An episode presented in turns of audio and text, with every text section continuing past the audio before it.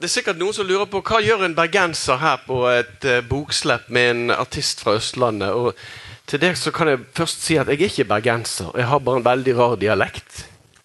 Jeg er halvt setesdøl, så jeg skulle egentlig ha kveet her i kveld, men jeg skal spare dere for det. Eh, nå er det sikkert noen av dere som, som ikke eh, vet hvordan det har vært å vokse opp et annet sted i dette landet enn der som musikken virkelig spire og gro. Nå var det jo veldig stort musikkmiljø i, i Bergen, det har det jo alltid vært.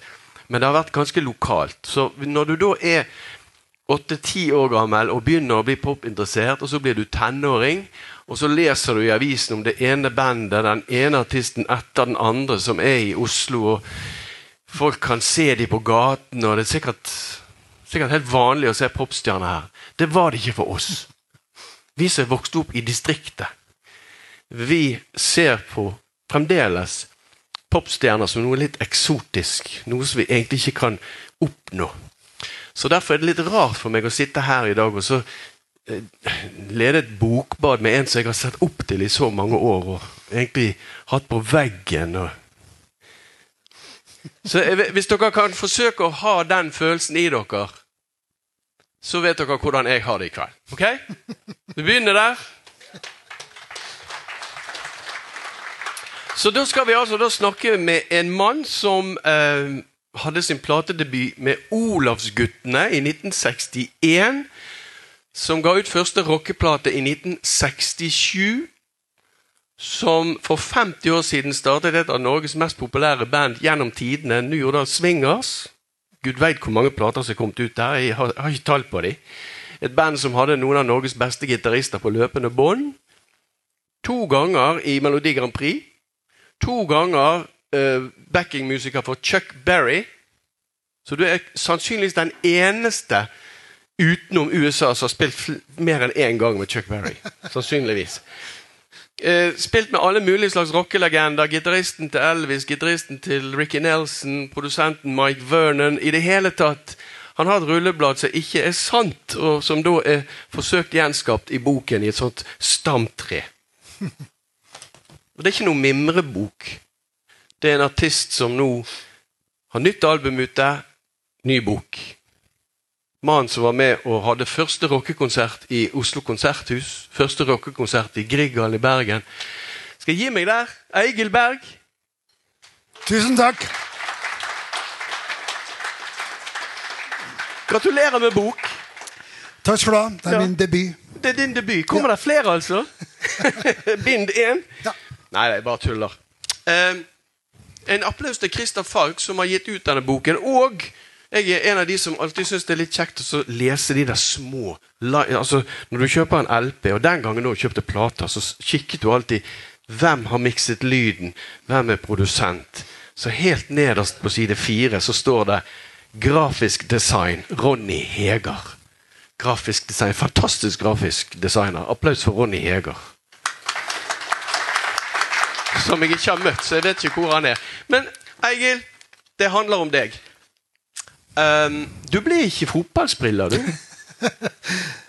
det var vel uh, Ole Everud som fortalte meg en gang at uh, hvis du virkelig skal bli stjerne og tekke damer og, og liksom uh, tjene masse penger, så bør man droppe popkarrieren og bli fotballspiller. Det var når David Beckham og sånn holdt på. Så jeg skjønte jeg glipp av noe der. Ja, men det var Ole Evenrud sin generasjon. Ja. Din generasjon begynte å spille i band, for da kom jentene. Det, det er musikken, ja. ja. Mm. Hva er det med musikk?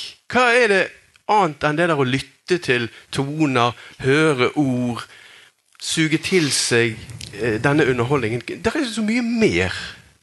Det er det, vet du. Dette kan bli en lang kveld. Hvis vi skal ta den Jeg har mye god vin i glasset. Ikke sant? Da jeg vokste opp på 50-tallet, så var det jo hadde vi bare hørt om noe som het rock'n'roll fra Amerika. Det ble ikke spilt på norsk radio. Sånn at uh, jeg kikket jo i Aftenpostens uh, aviser. Der sto det repertoaret fra neste dags morgenmelodier og ettermiddagskonsert med Uff. Og da kunne jeg til nød kanskje finne Pat Boone og Harvey Lafonte. Det var det lengste de strakk seg. ikke sant? Og da man kom over på Ønskekonserten, så hendte det vel at vi kunne høre Tommy Steele og Paul Anka. Og Begge disse hadde litt bred benføring og spilte litt gitar og var litt viltre på håret. Og da trodde vi det var det som var rock'n'roll. Inntil vi hørte fra Radio Lux, og kanskje svensk radio, navn som Elvis Presley, Little Richard, Chuck Berry, Fats Domino. Da var løpet kjørt. Chuck Berry skal vi komme tilbake til, for han er på en måte hele katalysatoren her Mm. i, i historien. Men for din del, Eigil, eh, det er vel et liv med tilfeldigheter. Det starter vel egentlig tilfeldig. Du kunne ha havnet et annet sted. Du kunne ha blitt lærer. Jeg hadde lyst på det. Og jeg visste jo ikke helt hva jeg skulle bli når jeg ble stor. Det vet jeg vel for så vidt ikke ennå. Men, men det har blitt musikk, og det har vært eh, mitt eh, kall eller mitt ekteskap. Jeg har liksom ikke tatt noe musikkutdannelse. Sigurd Køhn sa til meg en gang at vi er vel siste generasjon autodidakte. vi egentlig, ikke sant? Fordi vi har bare vært veldig interessert i musikk og plukka det vi har hørt på radio, og funnet vår egen greie ut fra det. Og så tenker jeg at hvis en av mine andre virkelig store helter, Ray Charles, hadde gått på jazzlinja i Trondheim, så hadde han kanskje ikke leflet med countrymusikken og hørt på liksom Grand Ole Opry og beriket oss med den sjangeren også. Så det å ha litt vidsyn tror jeg er viktig. Ja, og nå er du inne på noe som jeg er litt opptatt av. Og det er det at uh, denne foreldregenerasjonen og denne såkalte generasjonskløften, den har ikke du opplevd på samme måten som f.eks. britiske artister som ble eh, rockestjerner på 60-tallet, der det var helt sånn tydelig, klar avstand fra foreldrene. Men det hadde ikke du. Du vokste opp i et hjem med musikk. Delte gjerne musikklidenskap, og det som du sier med vidsyn.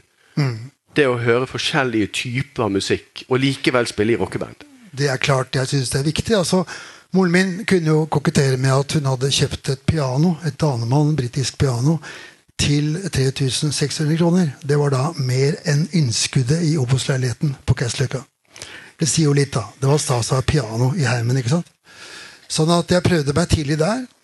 Og fikk vel beskjed av pianolærerinne at eh, vi bør vente til guttungen får begynt på skolen. Altså sjuårsalderen, da. For jeg begynte der. Og hadde jo håpet å kunne leke meg litt med litt Faustomen og Gruv og sånn, men det var ikke så populært. Det var mer man skulle gjennom de klassiske greiene og lære seg skalaen og sånne ting. Og det er klart det er viktig å få det inn. Men jeg skjønte jo også at når liksom min, mitt rock'n'roll-uttrykk skulle begynne å gjenskapes på piano, så var ikke det bare bare. For det har noe med et uttrykk å gjøre. Det Det er ikke bare å lese noter og finne ut av det ut fra det. Men jeg er veldig glad for at det var tidlig en mangesidig musikkforståelse. da. Både fra tidlig pianomusikk med de klassiske gutta, og etterpå når jeg begynte i kor. Men dette at du får lov til å så, eh, virkelig fråtse i musikken hjemme, så du får lov å utfolde deg, det må jo ha betydd noe. Ja, det er klart det. Der er et flott bilde for de av dere som følger med i boken. Så kan vi slå opp på side seks. Og de av dere som ikke har boken, han heter til der borte. Her er et bilde av en liten pjokk som så vidt klarer å stå.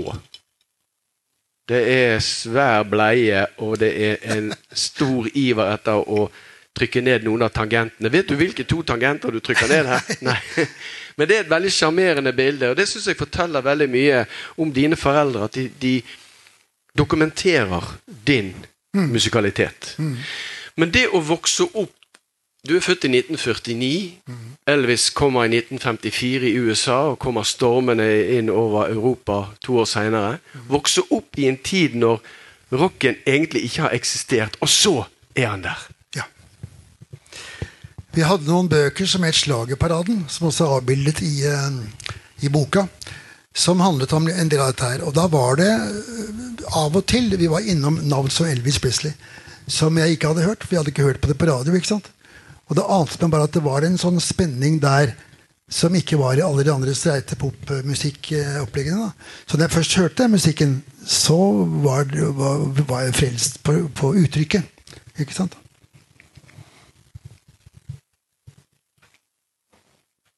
Men dette var en tid som f.eks. en gudfar i norsk musikk, Egil Monn Iversen, takket nei til å ha Elvis Presley på norske plateselskap fordi han sang for dårlig. Han var ikke bra nok. Da ble til og med gudfaren irettesatt av de høye herrer i sambandsstatene. Vi har til hensikt å breike Elvis worldwide, så du har bare å adlyde. Da måtte han gjøre det, faktisk. En ting som eh, Keith Richards skriver i sin bok, det er at eh, når han da oppdaga oppdager rock'n'roll, eller rock'n'roll kommer, Ja, så var det som om du gikk fra svart-hvitt til farge. ja da. Opplevde du det sånn? Ja, jeg tror nok det. Fordi jeg da trodde det var rock'n'roll Vi hadde hørt om dette begrepet. ikke sant? Som jeg da trodde var skjønte var Tommy Steele og Paul Anka Pat Boonen, kanskje. Når det kommer da ekte vare, så går du på ryggen. Jeg gjorde virkelig det. altså. Mm. Og vi hadde ikke platespiller hjemme, men uh, vi hadde båndopptaker. Og jeg sto klar på slutten av konserten tilfelle det var noe litt mer oppegående musikk. Og da var det vel vi, kanskje vi fikk uh, Tommy Steele eller Paul Anka. Og, og, sånn var det jo langt ut på 70-tallet, faktisk. Ja. At du ventet på den ene låten. Når jeg da tok meg råd til Jeg klarte å få kjøpt en liten platespiller. da. Linko Rivera, 315 kroner. Sånne ting sitter igjen. vet du. Og da fikk lov til å kjøpe de første singelplatene. Og klarte å spare lommepenger til å kjøpe EP. Hvor det var altså fire låter og bilde av stjerna på forsida i ryggen. Det var stas. LP kunne jeg bare glemme. Det kosta 37,50. Det måtte jeg vente med til julepresang. 37,50. Hva mm. tilsvarer det, det i dag? da? 600 kroner? Kanskje det. For en LP? Kanskje det. Jeg kan skyte inn at jeg sparte ukepenger åtte uker fordi jeg hørte på radioen at neste fredag kommer Abbey Road med The Beatles. Oi. Ja. Så jeg sparte i åtte uker for å kjøpe den platen. Ja. Men du sparte sikkert lenger, da. 37,50 for en LP. Eh, LP. 37,50 for en LP, ja. Det var ikke bare musikk på plate som betydde noe. Jeg vet at du var veldig fascinert av film, og at det var like viktig i den oppveksttiden. Ja, vi hadde jo hørt om filmer da, som J.Los Rock og King Creole og disse filmene, som gikk for voksen. Med altså aldersgrense 16 år. Og når du da er 11-12, så har du ikke sjans. Men vi opplevde noe som vi kalte Oslos bygdekinoer. Som ikke var kommunalt drevet, og de var ikke så strenge på, på aldersgrensen. Så da tok vi sykkelen til eh, Røa og Lilleaker og Golia og sånne steder. Lørenhallen, eh, Grefsen, og fikk komme oss inn og se disse spennende filmene. Også Hitchcock og John Wayne og Eddie Constantine og sånne ting. Sånn. Og det Altså, vi var småunger, og mitt første møte med Elvis det var jo via GI Blues og Blue Hawaii og sånne fargeglade familieting. Og da sa de tøffe gutta i gata at nei, det er ikke den ekte vare. Du må se 50-talls svart-hvitt-Elvis. Og jeg skjønner hva han mener. Noe annet som skjer i den tiden når du er tenåring, øh, kjøper plater, går på kino, det er at du får lyst til å spille sjøl. Mm. Uh, og du har allerede tatt pianotimer. Mm. Eh, men det er kanskje ikke alle som er klar over det at du starter rockeband som gitarist? Nei, det var jo veldig spennende med gitar. Altså, det har jo litt med rock'n'roll-forståelsen å gjøre. For altså, Du kan til nød fikse Fats Domino på Blueberry Hill på piano. Liksom. Men hvis du hører Hound Dog eller Jellos Rock, og du får en pianonote med melodistemme, så er det ikke noe særlig interessant å hente. Men derimot, hvis du har en gitar og et plekter, så kan du jo bråke litt. ikke sant? Og det blir stas. Og det, da kan du ta med gitaren rundt om på klassefester. og sånt. Da må du synge litt, da. Og så da åpner det seg ytterligere en verden med det. Men der kommer jo det som du kjenner veldig godt til, med Beatles og den hele britiske buben der, som ga oss låter med litt mer enn tre grep. At når vi hørte 'She Loves You' og 'From Me to You' med plusser og dimmer og sånn, så lærte jeg meg det på gitaren. Og da var det en ny verden som åpna seg på det planet. Og så er det en annen ting, det er at som gitarist så kan du stå foran på scenen, og da ser jentene deg. det var ikke noe mål for meg, akkurat det. Jeg spilte i et band som het Morgans, og forløperen til det der hadde vi bl.a. med en gitarist som het Nils Petter Nyrén. Nype Nyrén. Veldig dyktig gitarist. Og han sa det til meg at nå kan du droppe gitaren, så kan du bare stå frampå der og være Mick Jagger. liksom. Og det fiksa jeg ikke. Jeg var litt for sjenert til det. Så det var mer det å ha et instrument på maven og klunke litt da, og synge. Så det var ikke det, Jeg var aldri noen sånn Jahn Teigen eller Mick Jagger-fyr foran der. Det var bare det å kunne synge og spille musikk jeg likte. Vi kommer tilbake til piano om en liten stund, men vi må innom Du nevnte Morgans. Ja. Jeg, jeg, sier Morgans. Vi syns jo det var et internasjonalt tøft navn. ja. Og da hadde akkurat Morgan Kane-serien begynt å komme, så vi var jo litt litt opptatt av at kanskje de er westerninteresserte. Eh, men akkurat eh, i den tiden så hadde jeg begynt på skolen. Og eh, så hadde min mor kjøpt en sånn pakke med bokomslag til å ha på alle skolebøkene. Og jeg vet ikke om det er mange av dere her som har kjøpt de bokomslagene som kom i en sånn pakke, for det var nemlig poporkesteret. Det var omslag med Beatles, eh, Rolling Stones Jeg lurer på om ikke Hepstars var der òg. Og så var det Morgans. Ja, det stemmer. Så jeg hadde deg på bokomslaget Er det sant? én dag. Kjære Ja, En dag. ok. Da fikk vi klar melding fra læreren om at eh, vi skal ikke ha de bokomslagene der, for de uroer. Så vi fikk ikke lov å ha de bokomslagene. Oi. Eh, for, ja, for det, det var demoraliserende for vår læreevne. Så du hang på veggen i stedet. Jeg kom hjem igjen fra skolen, så klistret jeg eh, omslaget opp på veggen. Så der hadde jeg Morgans i Er det sant? ja, lenge, lenge, lenge. Og det var akkurat i den tiden når dere hadde slått virkelig gjennom med ILS. Ja. Men før vi kommer til den. 60, ja. Det er platedebut i 1967. Nei, det er i 1961. Det er sant. Fortell om din platedebut. Min platedebut skjedde med Olavsguttene. Det var altså Norges eh, tidligste eh, guttekor. Eh, det ble startet av en ikonisk dirigent som heter Ragnvald Bjarne eh, i 1927. Og jeg fikk lov til å begynne der, mens de andre i klassen gikk eh, i skolemusikken og spilte marsjer, så kom jeg inn i Olavsguttene. Og virkelig fikk forståelsen av hva et mangfold kunne bety i musikken.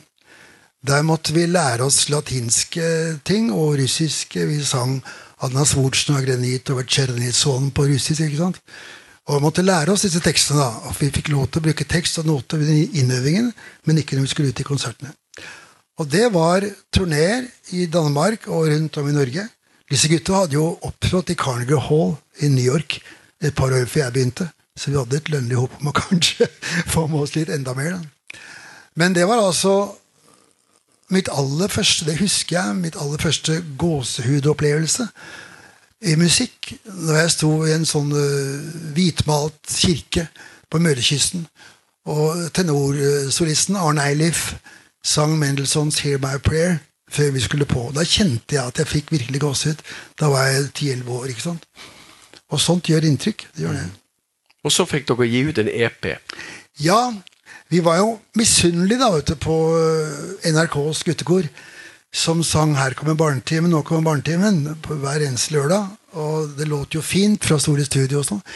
Kan ikke vi også få spille en grammofonplate? Og Ragnvald Bjarne skulle ha seg frabedt at vi skulle inn i noe kommersielt platestudio. Da fikk platestudio komme til oss. Og dette var jo før Rolling Stones hadde sine mobile studiofasiliteter. Så da eh, kom platestudio til oss via Ris kirke. Så vi gikk til Ris kirke og sang inn en EP som kom da på plate med julesanger i 61, akkompagnert av orgel. Det er bilde av han her. Olavsguttene synger julen inn. Ja, ja. Hvis det er platesamlere her, så er jeg veldig interessert i å få tak i den. Du har den gjerne sjøl. Hva sa du? Du har, du har platen sjøl? Jeg har platen selv. Ja. Du har tatt vare på ting, og hvis det er noen som lurer på hvorfor har han denne voldsomme hukommelsen, så har jo du underveis jukset litt. Du har har skrevet litt ned og tatt vare på ting. Jeg har det, vet du. Og jeg må bare lese her. eh, Du har tatt vare på et brev som du fikk fra dirigenten Ragnvald Bjarne.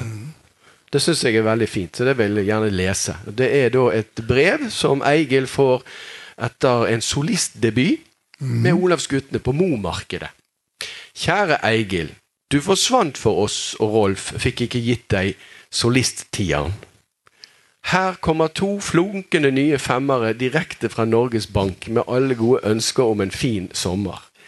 Velkommen tilbake etter ferien, og mange hilsener til deg, mor og far fra, fra Bjarne. PS. Du er veldig flink i koret og er en alle tiders Olavsgutt. Oi, oi, oi. Kjære. Ja, den skal vi ha applaus for. Så lurer jeg da på, som platesamler, hva brukte du de to femmerne til? Ikke sant? Nei, men det var altså To femmer, ti kroner, det er masse penger. ikke sant? Jeg var ti-elleve år. Hadde kanskje fem kroner i lommepenger. jeg husker ikke. Men iallfall flunkende nye blå, blå femmere. da, Sedler. Morgans uh, debuterer i 1967. Trouble and Tea, Ja. Manfred Man', Connection, Rolling Stones. Og så begynner du å skrive egne sanger, og nå er du 18 år. Det er ganske modig gjort, 18 år gammel, å begynne å skrive sanger på engelsk på 60-tallet. Men eh, du har jo på en måte et lite forbilde i Pussycats. Ja, vi syns jo det at eh, med all respekt for de andre Oslo-banda, så kom jo Pussycats med to LP-er med egne låter. Og det var Trond Graff som skrev Just a Little Teardrop og alt dette her. Produsert av Svein Erik Børja, spilt inn i England. Og jeg fikk være med på en uh, sommerturné i 67 med Pussycats blant annet. Og følte jeg lærte mye av det bandet, både med låtskriving og andre ting. Så det var et forbilde på mange vis. Syns jeg lagde to fine plater den, med, på siste tallet. Ja, jeg er helt enig. Trond Graff han var helt enestående låtskriver. Ja, han var det. Tøft band. Ja, absolutt. Ja. Men det kommer veldig mye tøffe plater fra deg òg. Og den første egenkomponerte sangen som du gir ut, det er Eyeless, stemmer det? Ja, jeg gikk altså på engelsklinja på gymnaset. Og da hadde vi som pensum bl.a. Merchant of Venice av Shakespeare som ikke jeg skjønte så mye av før vi fikk knekt noen koder fra en flink lærer som fortalte oss mye om dette her. Såpass at jeg kjøpte jo Shakespeare samlede og prøvde å knekke kodene på egen hånd. Det klarte jeg ikke så godt. Men det var en tekstforfatter som het Keith Reed, som lagde øh, plater sammen med Gary Brooker, som fronta et band som het Procol Harum, som jeg ble veldig fascinert av. Og Ragnar Hovland har vel nå i ettertid sagt at Keith Reed var en mester til å skrive stemningsfulle og meningsløse tekster. Ikke sant? Så det jeg prøvde å skjønne, det var ikke så lett for verken for meg å skjønne eller Gary Brooker, men det er stemningsfulle bilder. Og det var vel blant forbildene det jeg skrev Arles, da. Å høre på Procol Harum. ikke sant? Og få til litt av den stemningen der. Og det syns jeg vi fiksa. Skjønte du den gang at du hadde laget en klassiker? vi gjorde jo det. Altså, Først har vi jo lyst til å ha platekontrakt, ikke sant? og det sitter langt inne. Og da gjør vi det som mange har skjønt etter hvert at man må gjøre. Betale gildet sjøl og gå rundt til selskapene for å prøve å få utgitt mesterverkene og få stort sett tommelen ned. Inntil jeg traff en fyr som het C.C. Bøyesen, som hadde et selskap som het Nordartist. Han forbarmet seg over oss og ga ut denne plata. Og til vår store forbauselse så solgte den dobbelt så mye som forgjengeren. Men den kom ikke inn på hitlistene, sånn som forgjengeren hadde gjort. Og da skjønte jeg at det behøver ikke nødvendigvis gjenskape salg at ikke du er på listene, for det kan hende du selger utenfor sistekrysset. Bergen. Bergen, for eksempel. Ikke sant? Men det ble tre singler, ja. og så eh, Hvorfor blir Morgans oppløst? Uh, George Harrison skrev en sang en gang som het 'All Things Must Pass'. Og det var vel rundt når Beatles eh, ble oppløst. Og vi kunne ikke fatte og begripe hvorfor i all verden Beatles skulle oppløses. Fordi vi kjente jo ikke til hva som skjedde internt i bandet. Og Morgans var jo et band med tenåringer som gikk på skolen, og som hadde reiseruter. De lengste var vel Gudbrandsdalen og Rjukan og Halden og sånn. Og det var vel interne ting da, som gjorde at eh, bassisten kutta ut, og så rakta mye fra hverandre. Inntil Ailes tok av. Da måtte vi skrape sammen et band igjen. Og da fikk vi nye folk. Da kom Nils Bjarne Kvam på gitar, Ole Jakob Edna på trommer. Og så lagde vi en singel til, og da hadde jeg virkelig kjøpt et piano som jeg bærte. Et fysisk piano, Malmsjø eller Års som jeg bærte opp i fjerde etasje der jeg bodde, og bærte ned på øvelser og spillejobb. ikke sant? Om det var vinteren, og satt bak med horna. Så til og med da merka vi at dette her var jo litt uh, da, å få til. Men vi fikk gitt ut disse tre singlene, mm. og vi hadde vel ikke regna med at noe av det musikken skal gå for en tusenlapp 50 år seinere, men det har det altså gjort. ikke sant? Dette lille bandet. Men det var vel helt utenkelig å leve av det? Det var vel ikke noe den gangen? Nei. Nei. Hva, hva, var det da som drev uh, deg til å bære det der pianoet opp og ned fire etasjer? Og... Ja, Det kan du jo spørre om. Ja. Når, når, det virkelig funka. Da hadde vi altså, da hadde Per Bråten i det bandet uh, avansert med, til et Hammond B3 med Leslie, og jeg spilte ordentlig piano. Og Nils Kvam kunne spille gitar, mer enn det jeg kunne. Og det var så kick og da gå på scenen og spille Traffic og Yardbirds og Small Faces og hele den skolen der, pluss våre egne ting, da. At da var det verdt det. Men så eh, blir Morgans oppløst, mm. og, og, du drar på loffen. For ja. det er jo Og det var så fint å, å, å, lese i denne boken, her, for jeg har alltid lurt på hvor ble det egentlig av Eigil Berg mellom Morgans og New Jordal Swingers, som da kommer i 1972-73. Der er det et hull.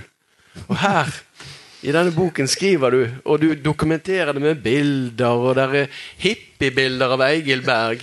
Langt hår, skjegg, kafkanske klær og ja, da. Var på tur nedover Europa, da, vet du. Og hadde hørt så mye om det. Og um, jeg hadde vel begynt å slå sprekker både med Russland og Kina på det politiske planet, men Albania det trodde jeg var stas å kunne prøve å bryne meg på. Og når det kommer til grensen der, med hår og skjegg og kjeder og røkelse, og sånn og sånn, så var det no way. Så jeg lærte jo litt av det oppholdet der.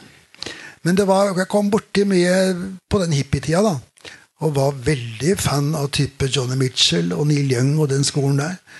Og lærte litt om open tuning på gitarfronten. Og så er det jo det at når du liker den gjengen der, da, og prøver deg litt som gatesanger, og i det hele tatt, så er det en slags innfallsvinkel til å bli, få nye bekjentskaper. Så prøvde meg litt i Belgia blant annet, som gatesanger, og det funka veldig bra. Ikke sant? Så kom jeg plutselig midt oppi et sånn jetset med rockfolk i London. Og var på fest med Jeff Beck og Grand Nash og sånne folk. Og så ble jeg kjent med en fyr som het eh, Wilf McLellan, som leverte meg en del tekster. Blant annet en som het Queen of the Night, som jeg tonesatte, som skulle få et langt liv. Den skal vi komme tilbake til. For Først så må vi jo hanke deg tilbake igjen til Norge. Så når du er ute på loffen og har med deg gitaren, gatesanger i Belgia, i London, rundt omkring, så er det jo en annen musikkform enn den som du da får gjennombrudd med noen år seinere. Så det skjer jo noe der med vidsynet. Mm. Eh, til Eigeberg, der du kommer tilbake til Norge, og kanskje du har ambisjoner om å lage et uh, slags Crosby, Stills Nash Young-orkester.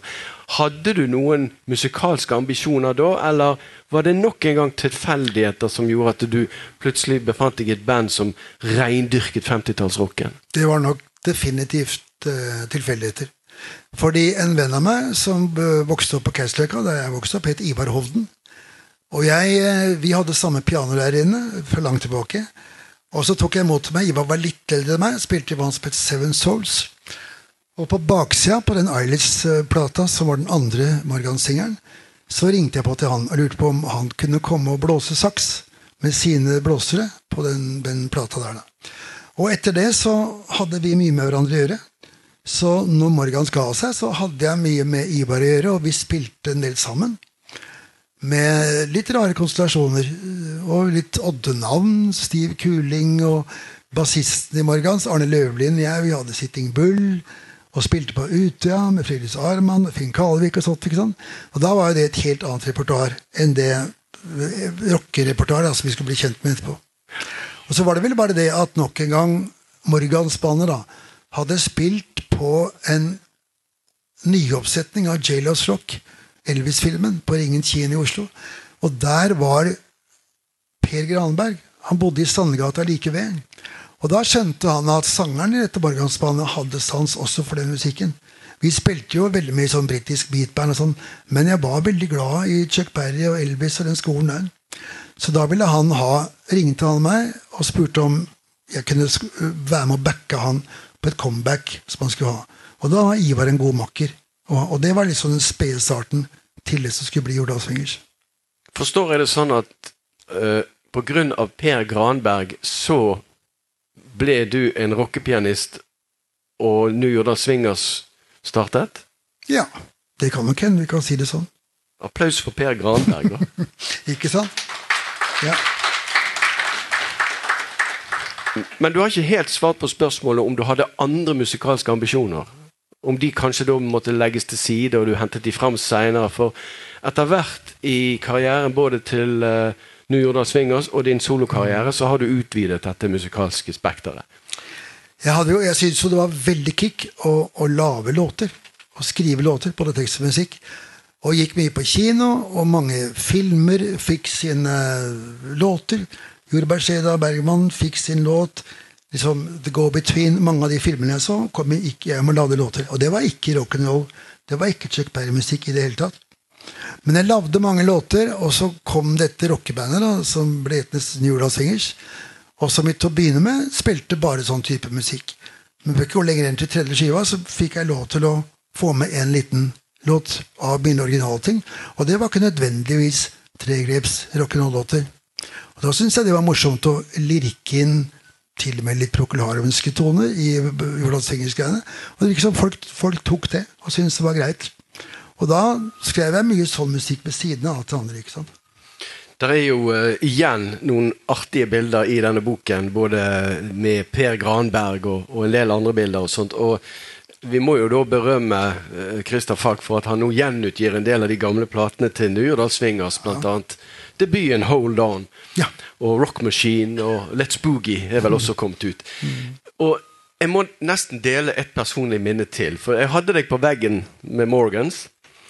Eh, så nå skal jeg avsløre hvor jeg kjøpte den første LP-en med New Jordal Swingers. For vi hadde jo hørt det litt på radio når vi har sett bilder i avisene om at nå var ekte rock and roll tilbake. Sant? Nå var det ut med Rolling Stones, de var blitt for gamle. og uh, Bob Dylan holdt på med sitt. Men her i Norge så har vi da Per Granberg og så Jordal Swingers. Og da var det å være med i distriktet nok en gang. Uh, vi hadde platebutikker. Vi hadde faktisk det. Vi hadde platebutikker. Men de fleste platene kjøpte jeg på Kolonialen. Ok. På Kolonialen i nærområdet i Åsane. For de hadde nemlig et stativ, og så var det sånn fargekode. Så var det da øh, grønn, det var dyrt. Det var fullpris. Der var Procol Harum. Og så var det da eh, blå, da var de satt litt ned. Elton John. Og så var det da oransje, da var de satt veldig ned. Så jeg kjøpte veldig mange progrock-plater ja. for 26 kroner. Men den ene platen jeg kjøpte med New York Swingers, den var fullpris. Så den kjøpte jeg altså i kolonialen L. Hagen. Det var en kolonial. Jeg understreker det. Men det sto et svært skilt. L. Hagen. Og så ble jo da en annen L. Hagen veldig populær og kjent. Ja. Så etter et års tid så var plutselig skiltet skiftet ut. Da sto det 'Kolonial L. Hagen' under. Så jeg har kjøpt den første LP med Jordal Swingers der. Men da kunne dere leve av musikken? Eller hvor lang tid tok det? Det var vel i Ja, det er 50 år siden i år, faktisk. I 73. At vi dro ut på de første turneene under motto Back to Rock sammen med Jonas Fjell rock and roll-band og Jan Rode og Per Granberg da, og, og Jonas Singers. Og da var det turneer, og da var NRK der og tok opp det vi gjorde fra Chateau Neuf. Og dette ble populært. Såpass populært at vi fikk platekontrakt. Og eh, begynte på de første plateinnspillingene våre. Og derfra utover så var det veldig mye turnering og veldig mye konserter rundt om. Så det er folk nå som sier at du kan jo ikke ha spilt 200 konserter i året pluss et par LP-er. Jo, vi kunne det, for det er notert da. Men vi gjorde det jo ikke stort annet. Det gikk fort i studio, da? Ja. Vi hadde gode uh, kår fordi Nils Kvam, da, som hadde spilt med Morgans, han fikk eh, ansettelse hos Arne Bendiksen studio. Der jobba selveste eh, Jan Erik Kongshaug. Og ble så fascinert at Nils skjønte faseforskyving på trommeinnspark à la Ichigo Park og alt dette her. Så han fikk lov til å begynne å jobbe der. Og så fikk Nils lyst til å ha eget plateselskap, On Records. Og da fikk vi muligheten til å spille inn for han. Så det var mange artister som var på hans selskap, men de to første som ga et album, det var Jennifer Green og New York Swingers. Og så tar det plutselig av et annet sted enn i Norge. En ting er at uh, nå turnerer dere ustanselig. To LP-er på ett år. Dere må faktisk si opp jobbene. Du jobbet jo i platebutikk sjøl. Ja, det var vel egentlig altså Ivar Hovden og Nils Bjarne jobbet i hver sin platebutikk ved Skippergata i Oslo. En het Mibråten, andre het Imersund. Og Ivar skjønte jo at jeg kunne passe inn der, og det gjorde jeg jo. Jeg elska jo å holde på med plater. ikke sant?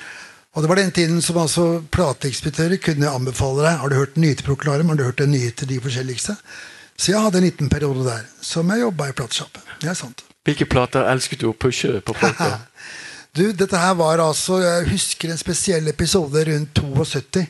Når Neil Young hadde hatt en kjempeselger med Harvest, Heart of Gold. Da skulle vi opp til plateselskapet og, eh, og bespises og bedrikkes for å bestille inn til julesalget. Og jeg var jo helt sikker på at oppfølgeren til Harvest måtte jo selge vanvittig. Den het 'Journey Through the Past'.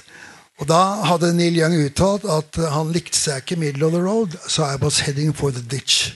Her må, her må jeg bare skyte inn for de som ikke vet det, at 'Journey Through the Past' er opprinnelig en film. Veldig spesiell dokumentar, eh, skråstrek on the road-film.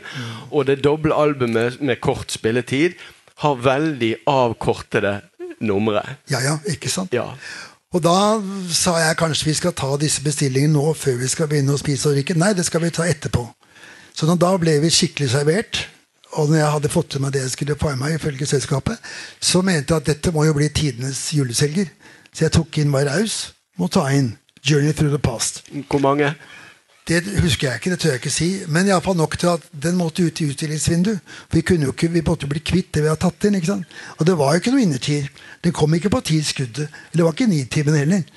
Og så fulgte han da opp med 'Tonight's a Night' og, og litt forskjellige ting. 'On the Beach' var fortsatt nydelig, syns jeg.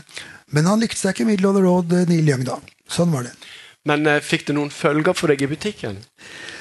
Du, jeg Av og til så tok jeg telefonen når VG ringte for å spørre en toneangivende platesjappe som gir rått musikk, hvem som har solgt mest.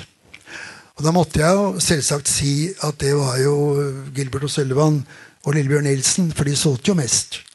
Men jeg skulle ramse opp da de syv, åtte, ni første, så var det fristende å si at eh, Journey Through the Past var jo på vei opp, da, om ikke annet.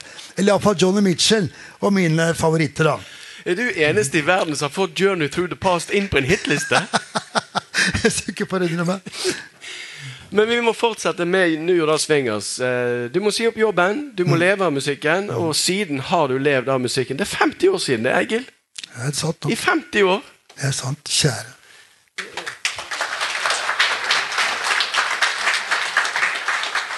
Så omsider eh, profesjonell musiker.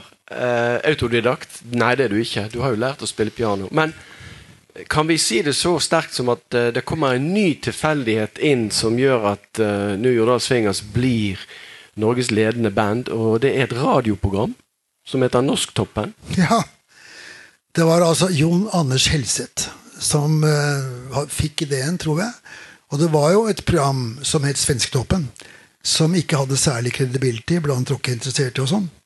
Og der ville Jon Anders Helseth være streng på tekstnivå, annet. Han ville ikke at det skulle bli en kopi av Svensktoppen. Så de første årene med Norsktoppen, da var det mange som fikk et slags gjennombrudd. Altså Odd Børretzen, Vømmøl Spellemannslag, Lillebjørn Nilsen, Stein Ove Berg, mange av disse folka her, måtte synge på norsk. Og eh, vi sang ikke på norsk, iallfall ikke på utgangspunktet. Men vi hadde instrumental på, på plate.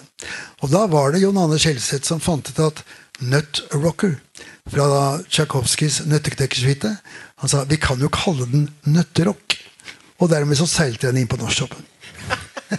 det er sant. Så en amerikansk komponert instrumental Ja, med norsk tittel. ikke sant? Tsjajkovskij var vel egentlig ikke amerikansk på noe. Nei, han var ikke amerikaner. Men det rockearrangementet, tenkte Ja, ja, ja. Og det samme skjedde med, med Red River Rock. Da kom vi Jon Anders Helseth i forkjøpet og tenkte at Red River Rock skal vi kalle den elverock. Og så ble det også en hit. En radiohit. Men så begynner du å skrive sanger med norske tekster. Ja. Er det noen spesiell grunn til det? Annet enn at denne kommer vi inn på Norsktoppen med? Jeg tror vel, ja, Det var vel litt såpass spekulativt. Fordi vi ga fortsatt ut uh, engelskspråklige LP-er. Og jeg skrev jo på engelsk. Jeg syntes jo det var tøft da. Ikke sant? Og, øh, men så var det sånn av og til, hvis det var en låt som hadde veldig hitpotensial, så var det takknemlig å kunne lage en norsk tekst av den samme. Så det var flere av disse låtene. Rock Machine, 1958, Spillemann, som var både på norsk og engelsk. Mm. Det er jo litt interessant. At du klarte å få det over eh, Tenkte du både fonetisk og tekstmessig når du laget to språklige eh, tekster? Nei, det vet jeg ikke om jeg gjorde. Det var vel litt tilfeldig, det også. For uh, spillemann betyr er- Det er vel free and easy? Den skrev Ivar Hovden norsk tekst på. Fordi den sendte vi inn til Melodi Grand Prix. Og da hadde vi holdt på i studio med en plate som het Turn On To The Music, som jo bare var engelske tekster. Og vi hadde skrevet en låt som het Free and Easy. Og Ivar mente at eh, kanskje vi kan prøve å sende den til Melodi Grand Prix. Og det måtte selvsagt være på norsk. Så da var det Ivar som skrev norsk tekst til and Så den gang måtte du synge på norsk Ja, for å være med i Melodi Grand Prix? Ja, ja. Sånn var det. Sånn var det. Så kommer vi til et punkt i karrieren når uh, du faktisk spiller med noen av de som du har sett opp til. Eh, og jeg kan jo da dele et personlig minne. Det der å stå på samme scene som Trygve Tue og Magne Lunde Oi, og synge 'People in Motion', det er ikke mye som slår det. det er. Det er jo heltene. Ja. Og du står på samme scene, eller sitter du, du har jo pianoet ditt, og- og Svein Finjan blir medlem av bandet som du er med i. Ja, det var Hvordan jo, er det? Det var jo første kick jeg fikk av beatband da Når jeg gikk på Hovingården i Oslo høsten 62. Og så et barsk band med røde plankegitarer og fin sveis og sånt noe spille piggtrådmusikk. Og da tror jeg jeg tenkte at dette fikk jeg så lyst til, å spare penger til å kjøpe en sånn type gitar. Men altså en Fender-gitar 62 kosta 2000 kroner. Det var så himla langt unna. Men det var noe som het Framus og Høfter. De kosta røftlig en 600 spenn. Det kunne jeg, Hvis jeg tok et par sommerjobber og gikk med avisa, så klarte jeg å få skrapt sammen penger til det. Så det var vel på en måte Svein Finnarde Beatniks som ga meg det første kicket på de greiene. Og så var det vel da gitaristen, første gitaristen til uh, Jordal Swingers het Per Hellerud, og han skulle gi seg. Og da var det mange som var på audition for å få den jobben. Blant annet en ung Marius Müller. Men også Svein Finnjarn. Men Marius må jo ha vært tenåring, da? Ja, han var vel 15-16 år, kanskje. Jobba i Televerket. Som bud, tror jeg. Var han god? Han var veldig god. Til å være så ung også, så kunne han hva skal vi si, han skjønte, han kunne sin Chuck Berry tidlig. Og skjønte alt dette. her, Liksom. Så han var veldig, veldig god. Men det var jo også Svein. Og Svein hadde et navn, og han kunne skrive låter, og han kunne synge, og passa godt inn. da. Men Marius var en av de som vi hadde godt eh, forhold til etterpå. Vi tok ham med på konsertturneer og hadde ham med rundt omkring. ikke sant? Men i hvert fall, Svein Finjan kommer inn. Eh, hvordan føles det? det? Dette er et sportsspørsmål. Har vi vunnet Lotto? Du vet, vi, vi, vi altså I det bandet da, så var det vel ikke så mange som kunne synge og legge opp sånne Beach Boys-stemmer og sånn. Men eh, like etter at Svein begynte, så begynte også Håkon Velsvik fra Bergen. Som hadde spilt med Tuefolket. Og da var vi plutselig ganske sterke på vokalsida. Og kunne legge opp den type låter som vi spilte litt på. da. Så plutselig så ble hele Jorda Swingers-bandet sterkere vokalt. Og spilte på det i studio.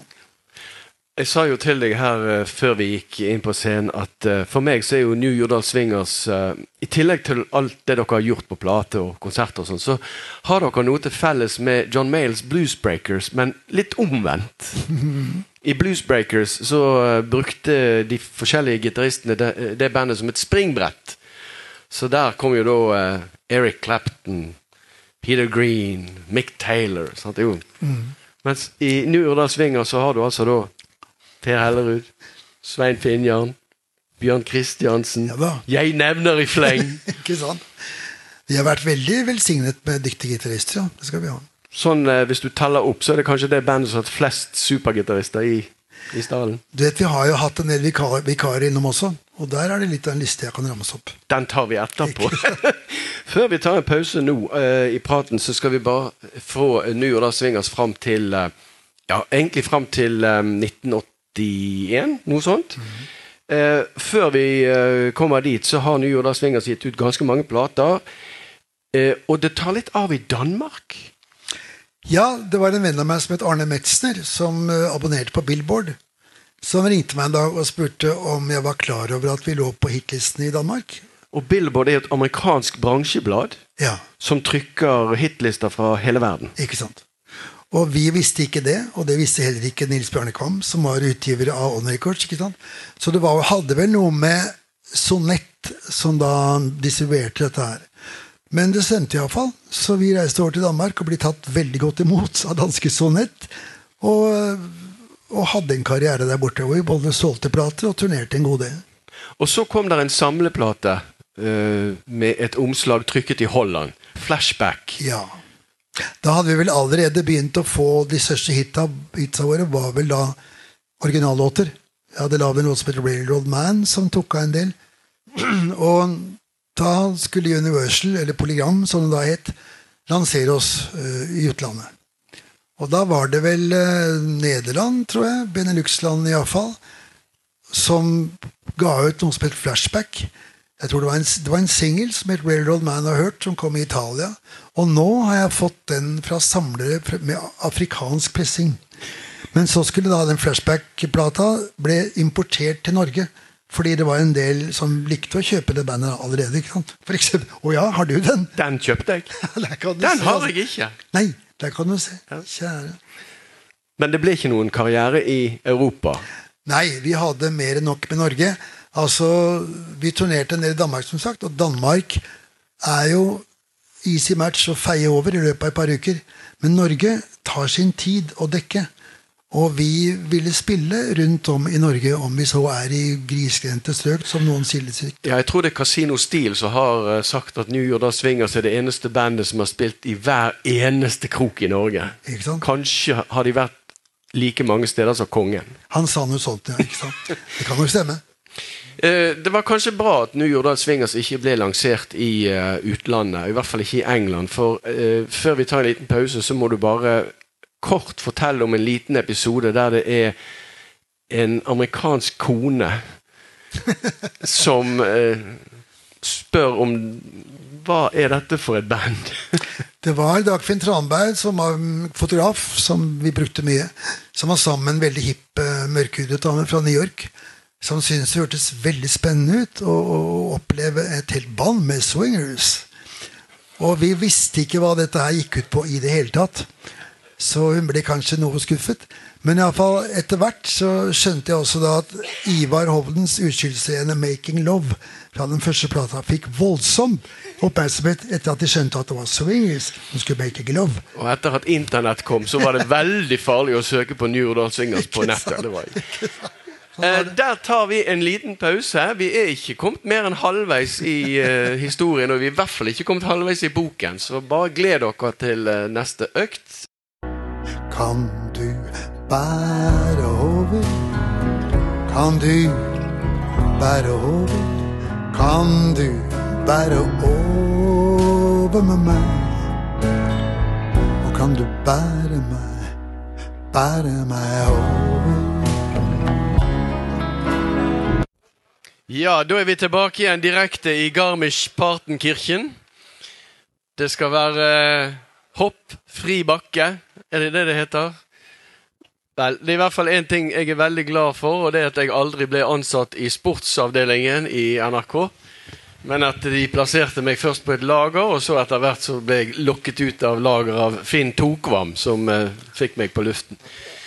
Um, og Linda Eide, ikke minst. Nå skal ikke det handle om meg, det skal handle nok en gang om uh, denne mannen som endelig har skrevet bok. Uh, for noen år siden så uh, var jeg så heldig at jeg fikk samarbeide med Eigil Berg om en dobbel-CD med 45 eh, innspillinger med New Jordal Swingers. Så jeg ble jo veldig glad når jeg da hørte at Eigil var i gang med å skrive en bok. Og den boken er en blanding av eh, selvbiografi, altså historikk, digresjoner og tankespinn. Så jeg tror vi skal komme inn litt på de tingene nå, Eigil. Eh, etter at vi har snakket oss ferdig med eh, denne egentlig strålende karrieren til New Jordal Swingers. Jeg husker jo det at jeg jobbet i plateforretning. Jeg begynte i 1979. Eh, og vi solgte ganske mye av eh, Jeg tror faktisk det var Greatest Hits volum 2 allerede den gangen. Men vi solgte veldig mye Turn On To The Music. Eh, og um, dette her er en periode når eh, det kommer ut ganske mye norsk visesang som er helt enestående. Det kommer ut noen popplater som er like enestående. Det kommer masse plater fra New York Swingers. Og Hvis du da studerer på hvem som er med å spille på disse forskjellige platene, så er det tre grupper som går igjen. Og Det er medlemmene av Populace.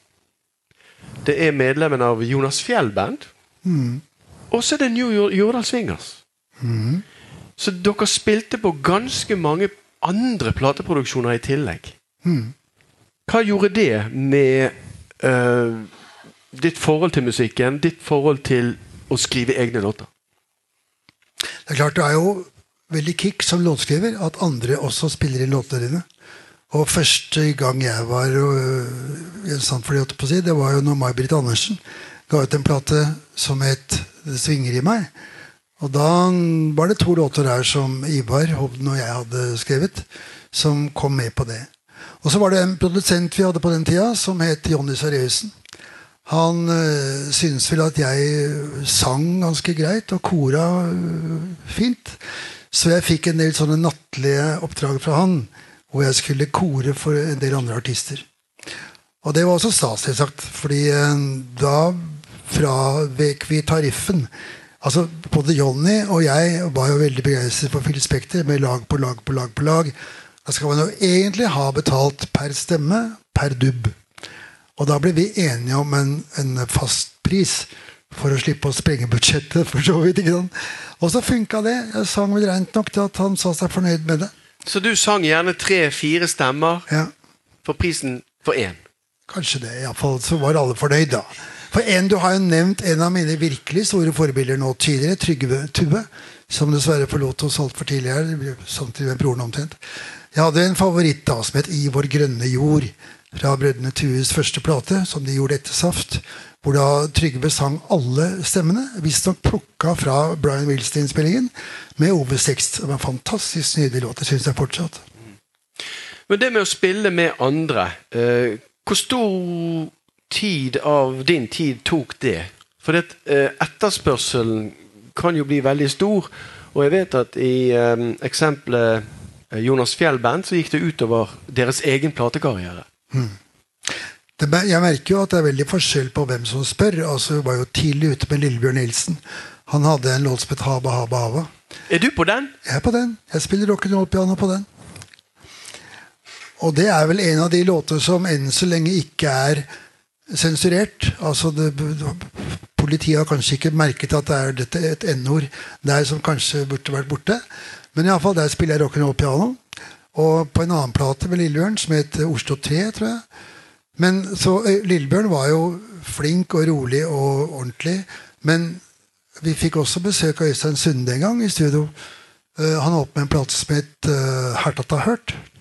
Og da strena han bare inn i studio og sa dere kan bonusere, ikke sant? Jo, jo, jo. Ja, jeg har lagd en norsk tekst her. heter Ona Sira, Sira Kvinna. Kan ikke vi ta fem minutter på den? Og så gjorde vi det. Og så syntes han det ble fint. Jeg tenkte nå må vi ta den ordentlig. Nei, men den er fin nok, den. Poff. Og så kom den med på hans Hertata Hørt kjempesuksess. Så der er det vi som spiller, ikke sant? Og One take? One take. Absolutt. Men du kunne sagt nei. Nei, det der er helligbrødet. Det er jo, det er jo røttene dine. Det er jo 50-tallsrocken. Ja da, kjære. Ja. Ja. Vidsyn.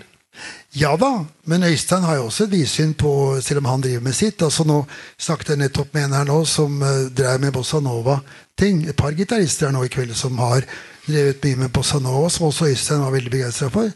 Men Øystein er jo også begeistra for Chuck Berry og Jerry Reed og den skolen der. ikke sant? Ja da. Og jeg syns jo det er en kjempegod innspilling, da. Ja. En av de beste platene Ja. for min del. Den kom også ut den høsten jeg jobbet i plateforretning. Jeg Mm. begynte. Eh, som sagt, Turn On To The Music den solgte vi mye av. Det var første LP. Jeg syns dere virkelig ble et sånt virkelig enestående plateband. Da hadde vi jo etter hvert begynt å bli ganske selvforsynt, selv, selv, nei, selvforsynt heter det, med, med originalmaterialet som vi skrev da. Og så fortsatte det. Svein slutter. Ja. Hadde han eh, andre ambisjoner? Altså, Til Svein være å holde ut i et bånd så lenge som han gjorde med oss det, Han har ikke holdt ut like lenge med Blue Secrets og de forskjelligste andre utenom Beatles. Så det var en lang periode, og da tror jeg han ville unne seg et avbrekk fra musikken. Og tok det litt på ro før han starta opp igjen med Beatles. Så det var en periode. Så kom det en ny suveren gitarist inn. Finn John Andresen. Ja, og da trengte vi ikke lenger auditions. Fordi Finn John hadde vært vikar en gang som Ivar ikke kunne være med på Nord-Norgesturné. Og vi var veldig begeistra for det vi hørte fra han. Og han var en veldig hyggelig fyr. Og min platedebut med Morgans, altså Trouble and Tea, da spilte jeg på en Epiphone-gitar innkjøpt fra Finjon Andresen på Veitvet i Oslo. Er det sant? Så, ja da, så vi kjente hverandre på en måte. ikke sant? Han hadde da flytta til Sverige og, og, blitt, og fått en utdannelse der innen musikken og blitt veldig flink med ting og tang. Så vi spurte om han ville begynne i bandet, og det sa han ja til med en gang. Og da kom han allerede da inn med originallåter. bl.a. som het 'Drømmekvinnen', som vi syntes var veldig fin, som vi tok med i studio.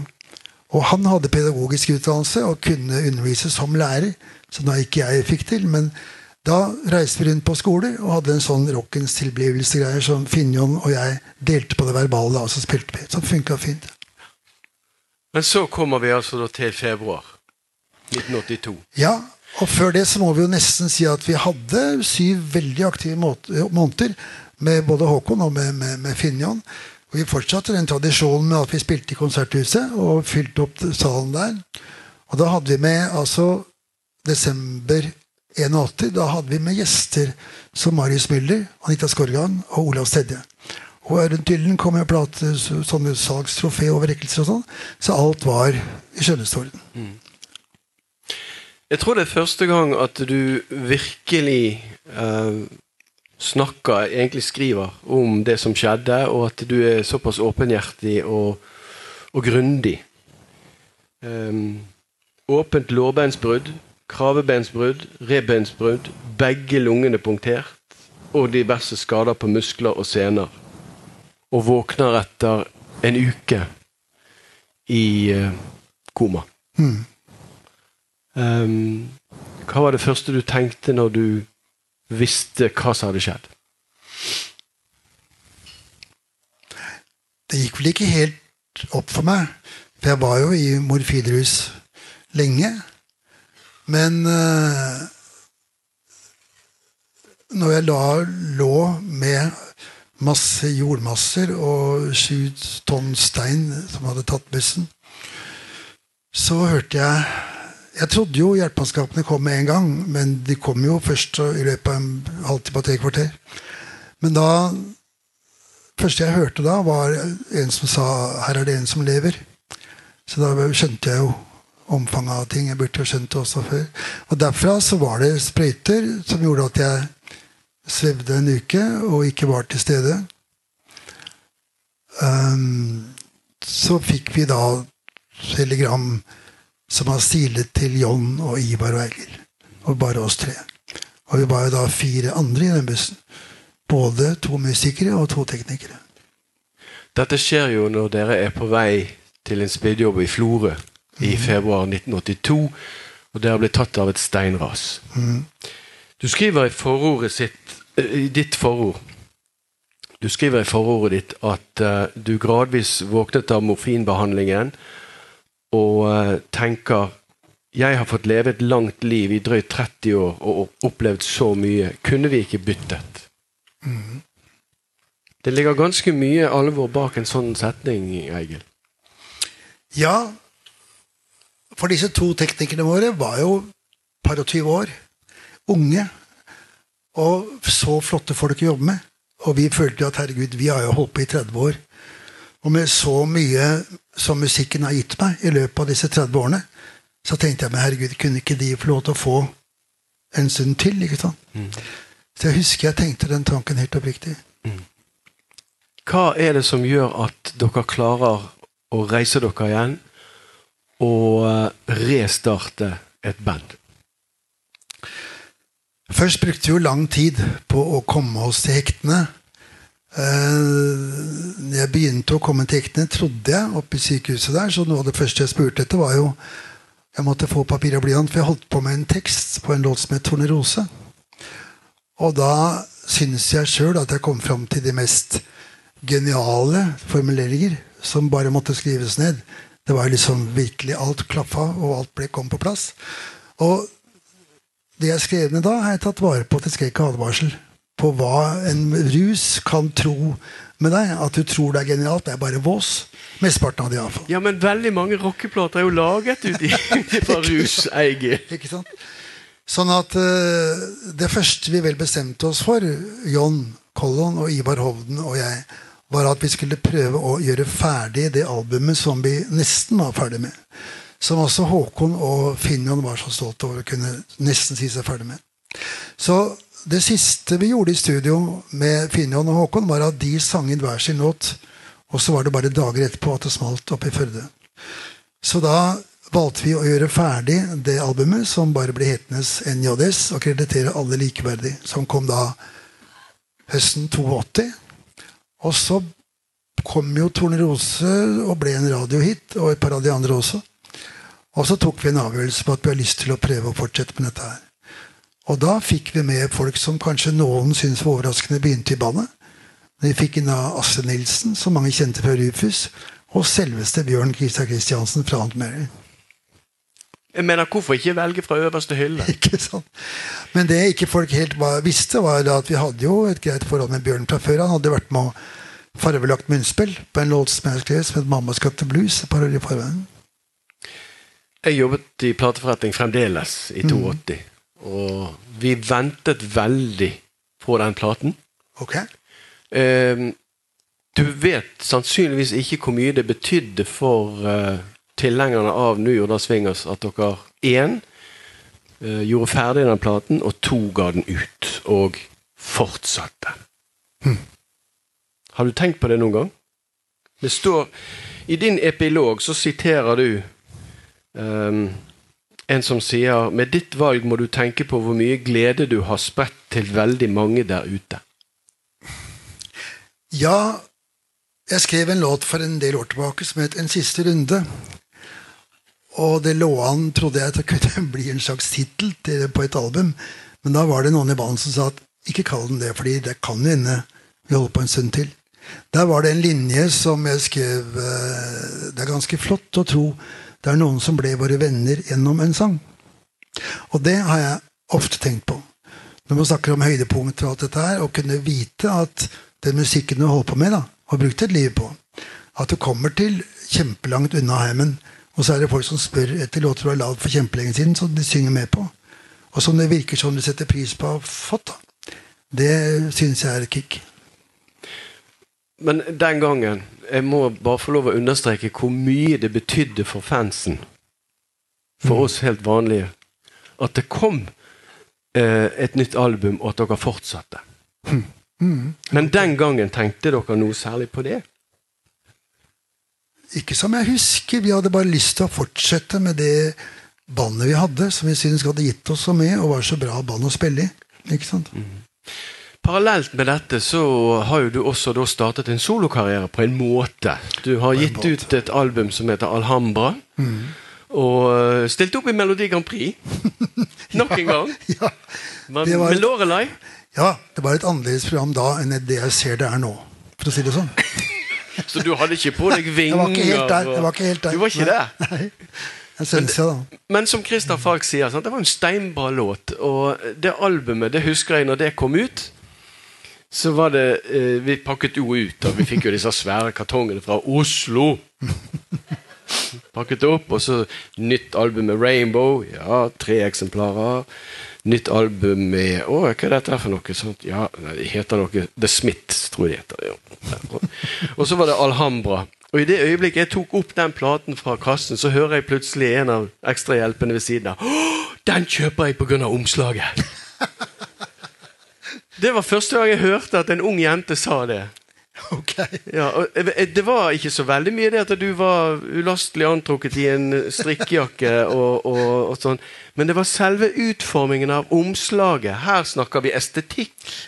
Pregede bokstaver som blir trykket ut. Og, det var et dyrt omslag.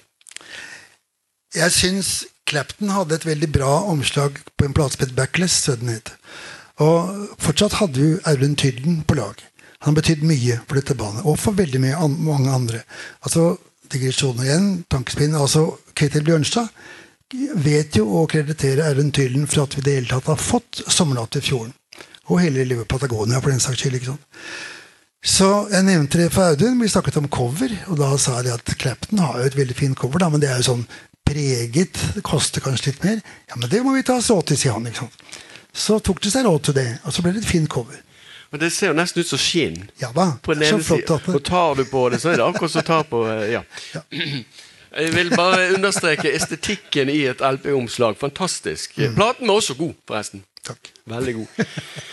Men det kommer nå frem til eh, midten av 80-tallet, og så ser jeg til min store glede at uh, den som skal være produsent for neste plate med New Jorda Swingers, det er Mike Vernon. Og jeg mener, det er omtrent som å lese George Martin for veldig mange av oss. Vi er vokst opp med plater der uh, Blues Breakers with Eric Clapton, produsert av Mike Vernon.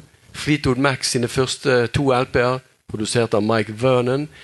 New Jordan Swingers. Ja da. David Bowie. Vi kan bare nevne i fleng. Mange. Mm. Og igjen så har du altså da et forbilde som du jobber sammen med. Ja. Hvordan preget det den innspillingen? Det var egentlig to innspillinger. Først var det en plate som het Graffiti.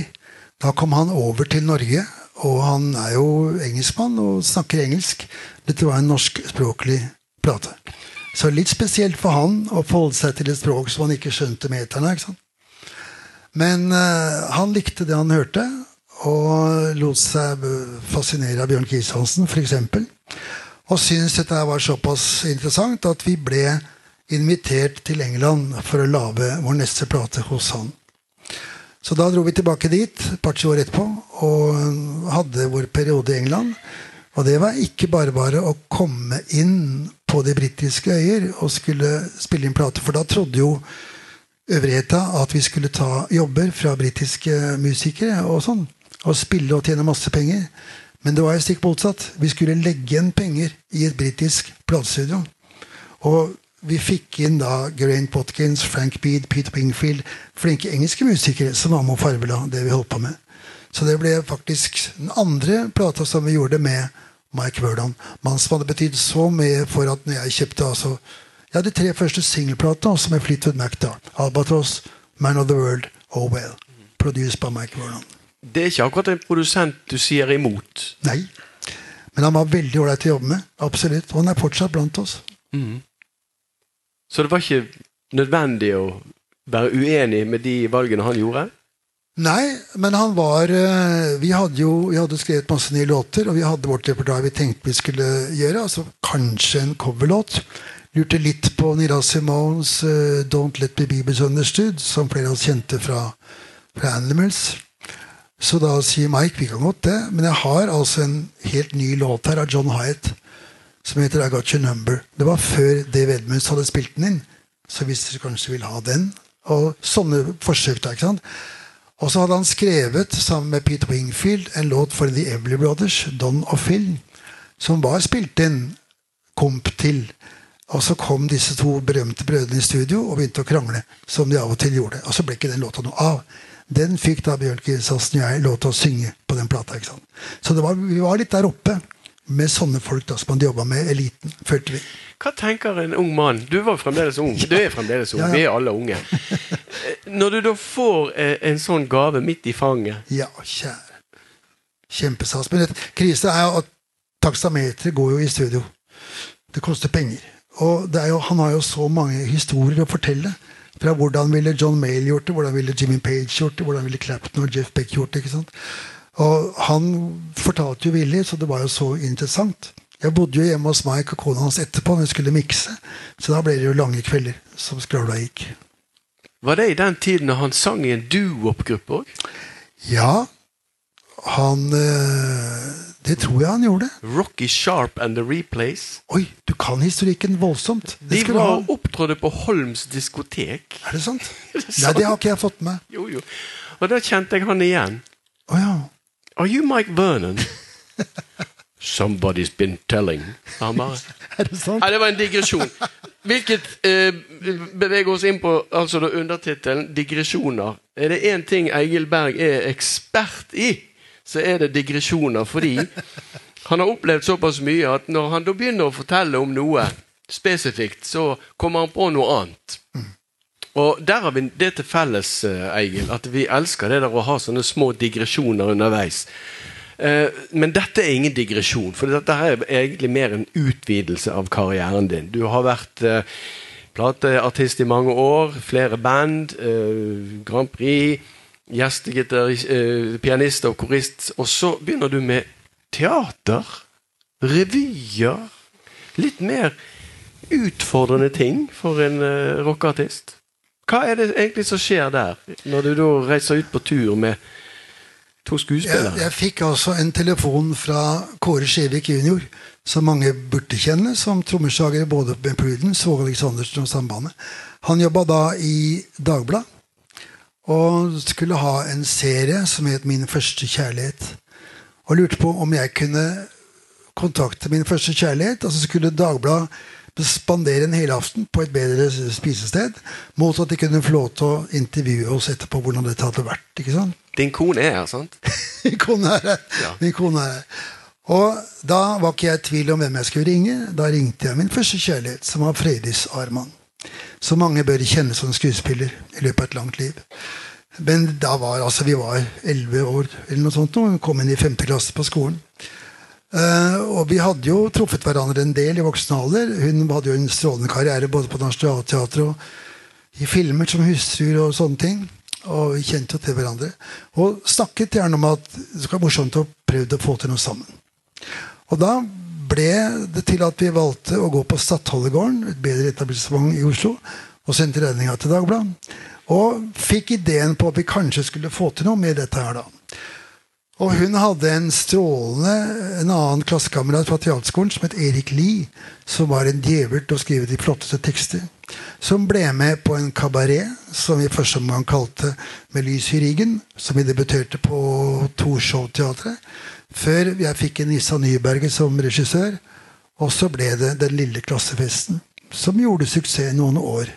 Både på turné, vi var jo helt opp til Finnmark og var på Hurtigruten nedover. Og spilte på Amfiscenen på Nasjonal, og på Josefine og en del steder rundt om. Så Dagbladet finansierte den ideen? Det kan du si. Ja, det er veldig det bra. Ja, ja, vi kan ta en liten applaus for Dagbladet, men vi tar heller en applaus for Frøydis Arman. Ja, den er jeg med på. Jeg kan jo da bare opplyse om at vi er kommet til sånn ca. år 2000, og det er vi ikke, vi er ikke mer enn halvveis i boken. Har jeg sagt at det er en fantastisk fin bok? Eh, så ja. Gjerne klappe for den òg. Eh, det er hundrevis av kjentfolk som du er avbildet med her i denne boken. her. Jeg, jeg tror faktisk det er bare Elvis som mangler. Jeg har jo sagt det for de som mener at dette er en slags selvbiografi, at det er også de som mente at jeg måtte ha et navneregister bak her. Og det ble på tolv og en halv side. Så ombrekkeren sa at dette her tar noen uker ekstra. Men det er iallfall da over 1300 navn. Kun musikkrelaterte navn. For jeg har jo holdt privatlivet utenfor. Med mindre det har med musikken å gjøre. Så det er et navneregister som er verdt å få med seg. Så det er bare artister. Ja. Musikkrelaterte folk, iallfall. Utrolig. Eh, hva ville du ha sagt til eh, syv år gamle Eigil? Hva ville jeg sagt til han? Ja, etter at uh, Hvis han skulle lese denne boken her. Er litt av et spørsmål. Jeg vet jo ikke om jeg hadde turt å sagt sats på musikkarriere. For det er ikke så safe å gjøre. Det har faktisk vært voksne fedre som har kommet til meg og sagt at sønnen min har ikke lyst til å spille i band. Hva syns du jeg skal råde den til? Og da har jeg vel sagt at eh, hvis han Altså det å bli proffmusiker da, og satse på å måtte leve av karrieren, eller av musikken, da må du jo veldig ofte spille musikk som ikke nødvendigvis har så godt forhold til. Så hvis han da alternativt kan ha seg en streit jobb, og så kan han spille all den musikken han synes er mest moro å spille, som amatør Amatør er jo egentlig et positivt eh, begrep, ikke sant? Og jeg var ute og tok på, altså Når jeg sang dette Olavsgutt-koret, så havnet jo noen i eh, operakoret. Og jeg kjente jo til noen av disse her, og så var vi ute en kveld og tok noe øl sammen. Og jeg var jo misunnelig på dem for at de fikk lov til å bryne seg på så mye flott, spennende annen type musikk. Mens de var misunnelige på meg, som kunne bestemme mitt eget repertoar selv. ikke sant? Men det er jo veldig mange som da skal livnære seg på musikk, som sitter i et orkester som ikke de har noe forhold til musikken. Du kan ikke be en eh, dirigent for det være seg filharmoni og alle monteter om å sette opp noe annet, for jeg liker det ikke helt. Da må du gjøre det du får beskjed om, selv om ikke du liker det. Så det er litt som en lege. Du kan ikke velge pasientene. du kan jo ikke det. Du, kan jo ikke det. Du skriver også i et um, kapittel i boken din om at det var ikke lenger så greit. Altså at ting gjerne blir ugreit. Ja, du vet, jeg hadde vel Jeg syns jo det var hyggelig å få tilbud fra hva skal vi si, bransjer, øh, bransjer som Nopa, Tono, Gramart, Gra, Gramo, Spellemann og sånne ting som var hyggelig å få et innsyn i, men det tar jo tid. Og jeg er vel såpass skikkelig anlagt at jeg har lyst til å gjøre det ordentlig når jeg først sitter der. Hvis jeg først sitter i Spellemann-juryen for åpen klasse og får tilsendt 62 fonogrammer, så vil jeg spille gjennom dem for å høre hva jeg, jeg syns om det. Og, og, da spiller jeg det på et anlegg jeg er vant med hjemme. Og det var vel jeg satt i åpen klasse på Spellemann og skulle ha 62 fonogrammer, at uh, det ble sagt til meg men kan du ikke bruke headset? Da hørte jeg på altså a cappella joik på en dobbel-LP. Dobbel-CD. Sånn at det, tar den tiden det tar. Og skal du gjøre en ordentlig jobb, så tar det tid. ikke sant? Og så skulle jeg da spille med Ola Swingersband, med Frøydis, en del annet, skrive låter. Og plutselig så har jo døgnet bare 24 timer. Så det blir litt ganger. Så det, var det som gjorde at du følte at det var litt ugreit? Så det som jeg leser i boken om en periode i, i karrieren der ikke ting er som det skal være At det kan bli litt for mye. At jeg var ikke så flink kanskje til å si nei. da. At jeg syns det var stas å bli spurt om sånne ting. Og så sier jeg ja, men det kan jeg være med på. Det er morsomt. Og plutselig så blir det litt mye noen ganger.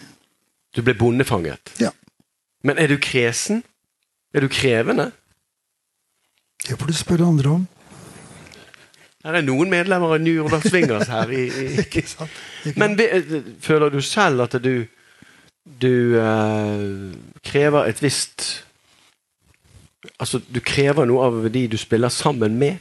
Jeg krever mye av meg sjøl i første omgang, og syns det er hyggelig da å kunne fortelle de andre åssen jeg har tenkt et, et, eller annet. ikke sant? Fordi i løpet av et langt liv da, så har man brent seg noen ganger på at en låt som du har en idé på, tar en helt annen retning som ikke nødvendigvis blir så bra. Den kan også bli veldig bra. Absolutt. Nils Kvam var en kreativ hjerne med å få Jeg har skrevet f.eks. om at Paul McCartney var ikke så opptatt av når George Martin skulle foreslå strykere på Yesterday. Han likte ikke så Mantovani og disse strykere. Jeg mener ikke det. Jeg mener Bach-kvartett. Og den unge Paul McCartney visste vel ikke hva det var for noe. Og så sier George Martin la meg prøve å arrangere det ut for strykekvartett. Hvis ikke du liker det, så får vi inn George og John og Ringo. Og så blir det en Beatles. Og så tror jeg Yesterday fikk en klassisk status pga. det arrangementet. Og der har også vi vært med noen ganger på en låt som jeg kom med for lenge siden, som heter Winter Paradise. Så Nils Kvam har sånne martinske ideer. Her skal vi bare ha Egilberg med Fender Rhodes piano og bassrommet. Og så kommer koret mitt inn der, og så kommer strykerne til Birkelsen helt mot slutten. Og så får den en status som den ikke ville fått hvis jeg hadde spilt den på vanlig vis. ikke sant? Sånne ting er jo veldig spennende å kunne ta tak i. Så spørsmålet mitt er egentlig feil. Eh, jeg skal ikke stille spørsmålet om du er krevende. Er du eh, mottakelig? Det håper jeg at jeg kan være. Det håper jeg at jeg kan være. Men samtidig så har det jo skjedd, og det skriver jeg også åpent om i boka, at hvis noen produsenter vil ta saken i egne hender, og du ikke får lov til å bli med Altså, Jeg skriver jo om Manfred Eicher produserte Finn Kalvik. Finn trodde han skulle ha litt å si. Jeg skrev jo når Leonard Cohen ble produsert av Phil Spector. Cohen trodde han skulle ha litt å si. Han hadde ikke det. Og hvis man da Det var en gang som det var en produsent vi hadde, som ville gjøre ting på sin måte. Og så gjorde han det, og det ble totalt motsatt av det jeg hadde tenkt. Da sa jeg hva jeg mente om det, og han var jo såpass proff at han sa det får du ta med platedirektøren. Han som betaler for dette her. Og da tok jeg det med platedirektøren. Så han spurte meg hvordan jeg hadde tenkt det, og fortalte han det. Og, ja, men da gjør vi det sånn, sånn. Og så ble det en ny runde, og så syns jeg det ble veldig fint. Sånn var det. Litt tøff i trynet, som vi sier i Bergen. Kanskje det, da. Ja, Kanskje det. Ja. Er det ting du ikke har gjort, som du skulle ønske du kunne ha gjort? Nå tenker jeg utelukkende på uh, karrieren din, for det er jo det det handler om her. Det handler om karrieren din. du vet, jeg skriver litt om det også. Når du ser andre rundt deg som er så flinke, som øver timevis hver dag, ikke sant? Jeg kjøpte et notehefte med Bill Evans i London, som var dyrt til og med. Men det holder jo ikke bare å kjøpe notehefte. Du må jo bruke mange timer på å øve. ikke sant? Og du ser jo så mange folk rundt deg som er veldig flinke. Og jeg veit jo også om de som har tenkt at nå skal jeg bli verdens beste på mitt instrument. Og så hører de Glenn Gold og tenker nei, dette er så langt unna, det klarer jeg ikke. For da må du øve timevis. Altså Det er et fjernsynsprogram fra halv sju, var det vel? 82, like før denne ulykken, som vi var sånn uh, husorkester. Der var også en ung Stian Karstensen. Han debuterte på det programmet. Han var elleve år. Spilte tekstspill. Spilte fantastisk virtuost. Så spør programlederen hvor mye trener du brukte ordet trener da, hver dag. Det var en fire timer, da, sier Sian Carstensen. Så det er for noe. Og døgnet har jo x antall timer. Det er ikke sikkert han hadde tid til å sparke fotball med gutta i gata. Sånn, da sitter han med tekstspillet sitt, og så blir han jo som han jo er. ikke sant? Men det er en form for å være musiker. Mm. Tror du Fats Domino noensinne stilte seg det spørsmålet du nå stiller deg? Hvordan blir jeg så flink? Altså Det no, det handler om stil, attityde. Du, har, ja. du sa det helt i begynnelsen. At uh, du visste den gang når du skulle spille en av rockelåtene på piano, at det handlet om noe mer enn å bare spille. Det handler om attityde, fremførelse, uttrykk. Ja, absolutt. Er ikke du fornøyd med det, da? Jo, men du vet samtidig, når du har det vidsynet da, som jeg har lyst til å si at jeg har, så hører jeg jo ting på piano Eller jeg har jo jeg kan jo litt mer nå. Jeg skjønner jo at det er jo solisten som bestemmer tonearten, f.eks. Og jeg skal spille nå neste uke med Ingvar Hovland på noe som vi kaller for bokhyllest. Eh, og der har jeg lagd noe ny musikk til noen rimbaud-tekster og litt sånt noe. Og da har jeg lagd noe som jeg sjøl syns kanskje er litt vanskelig å spille. Men så må jeg følge stemmen min. Og da må jeg spille i den tonearten som stemmen forlanger. Og det er ikke sikkert det er de enkleste toneartene. Så jeg holder på hjemme nå med ganske mange fortegn for å prøve å lære dette til neste uke. Du er kresen. Ja, jeg føler vel det. da, ja, På det planet. Men så blir det hakket bedre. Tenker jeg, da. Uh, jeg sa i sted at vi er kommet til år 2000, og det er halvveis i boken. Og vanligvis når jeg leser biografier, så er det veldig, veldig mye om uh, 60-tallet. Det går gjerne, altså Alle bøkene jeg leser om Rolling Stones, for eksempel, da går 60-tallet frem til omtrent hit, og så dør Brian Jones, og så er det resten her. Sånn de 50 årene som er kommet etterpå. Sånn. Her er altså da vi kom til Nå skal jeg bare slå opp tilfeldig. Her. Her er vi kommet til 1980. Det er nå én ting, men en annen ting er det at du har et helt nytt album ute. Du slutter ikke å lage sanger. Du lager nye låter hele tiden. Og Det nye albumet ditt, 'Skygge og sol', er jo et av de beste du har, har, laget. Der er det også en sang der du ser litt tilbake, 'Beatles og oss', mm -hmm. som da eh, er egentlig brobyggeren bak til boken din. Mm -hmm. Starten av karrieren. Mm -hmm. Men det er også sanger som ser litt fremover. Mhm. Og hvis du ser Eigeberg fremover, hva ser du da? Jeg har jo lyst til å fortsette, da. Ja, det var noe godt å høre! tenker jeg at jeg har lyst til. Så når folk ringer deg og spør hva skal sønnen min gjøre, han har lyst til å spille piano, eller datteren min har lyst til å Er ikke du fristet til å si alt annet enn fotball? Vi er litt enige akkurat på det planet. Ja. Mm. Du, helt til slutt. Um, det er også en ting jeg ser i sånne biografier som blir eh, gitt ut. Så har de veldig ofte hatt en forferdelig nedtur med dop og Betty Ford-klinikken og alle mulige ting, og så kommer de tilbake igjen, og så er de survivors. Og Jeg har jo kalt New Jordal Swingers for survivors, men det er jo pga. det som dere opplevde. Men du som artist, som sitter her da, 73 år gammel, frisk og levende, hvordan overlevde du? Jeg tror nok at det er viktig og ålreit å ha litt flere bein å stå på, også innen musikken. Rett og slett. Og det at du ikke bare tramper gjennom mer rock'n'roll og ferdig med det, at du har et vidsyn, som sagt. da Og at du har fått lov til å spille med flere forskjellige folk. Og veldig flinke, ålreite folk. Og kreative folk. ikke sant? Og hatt et innsyn både i platebransjen og som låtskriver og som utøver og kunne møte et publikum. Alt dette her er veldig viktig. Jeg hørte her i øh, huset rett overfor oss, i konserthuset, en konsert med James Taylor, hvor han takket publikum for at de kom. Han sa ellers hadde det jo bare blitt en lydsjekk og litt stusslig. Så når du har reist langt, og folk har betalt penger for å høre på deg, så er det jo hyggelig å få respons. Og det har vel skjedd mer enn en gang at jeg har måttet Jeg er ikke så veldig opptatt av sånne settlister. Men hvis jeg har det, da, hvis jeg er sånn tilmålt får bare lov til å spille sånn og sånn, så kommer det noen og 'Jeg håper du kan spille den!' Så gjør vi jo det, da. Og da er jeg så trygg på folk jeg har rundt meg, at du kan ta ting på sparket noen ganger. Og det funker. En siste ting, Eigil. Et sted i boken din så skriver du om at noen må spille den samme sangen om igjen og om igjen. Og om igjen. Og det er jo da Anton Karas som får musikken sin med i Den tredje mann. Mm. da, da, da, da, da, da. Og det spiller han om igjen og om igjen og om igjen på alle konsertene han, han er på. Og så er det en som spør blir du ikke lei av det. Og da svarer han du kan jo ikke bli lei av det som har gitt deg inntekten din i alle årene, som har finansiert skoleutdannelse til barna dine, til Er det et eller annet med Er du takknemlig for de sangene du har laget? Jeg er takknemlig for at jeg har laget mange forskjellige sanger. At det er ikke bare én. Altså Hvis jeg bare skulle ha blitt kjent for nå må du slutte opp og se på meg sånn, så hadde jeg vel gått på veggen, jeg også. Regner jeg kanskje med. Og jeg har jo fått med meg at min store helt Gary Bruker, som dessverre forlot oss for ikke så altfor lenge siden, han hadde jo konserter som han ikke spilte A White Shade of Pale. Ja, men hør på Salty Dog, da. Hør på Homburg, da. Er ikke de fine, da? ikke sant? At det er noe med det, som Kjell Bekkelund også sa, at spiller du den samme Beethoven-sonaten hver kveld, så kan du bli lei det også.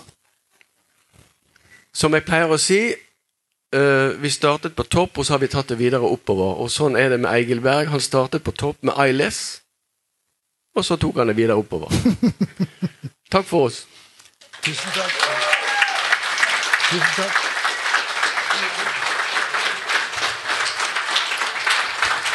Takk skal du ha.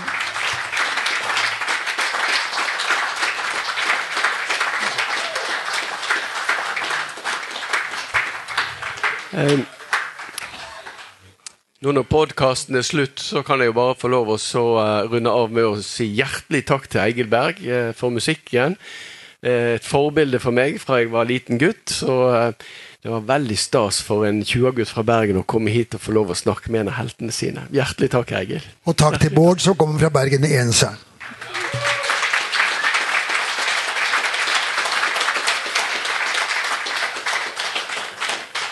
Da var det vel egentlig spørsmål fra salen, hvis det er noen som mener vi har gått uh, forbi noe. Ikke det, nei. Ingen som vil spørre om B-siden. Det er en som vil spørre om B-siden på en singel. Nei. Ja! Har vi glemt Chuck Berry? Kjære høydepunktet. Høydepunktet. Kjære. Alt på nytt. Vi må ta alt på nytt. Vi satt og snakket om Chuck Berry før vi gikk inn her. Og du er den eneste som jeg vet om i Skandinavia som har backet Chuck Berry to ganger. Så det betyr at du gjorde noe riktig den første gangen. Men det er jo egentlig den ene uh, røde tråden som går gjennom hele din karriere. Vi snakka litt om det i stad. Men altså, Vi har jo spurt i quiz til folk hva er den mest solgte Beatles-singeren i Norge.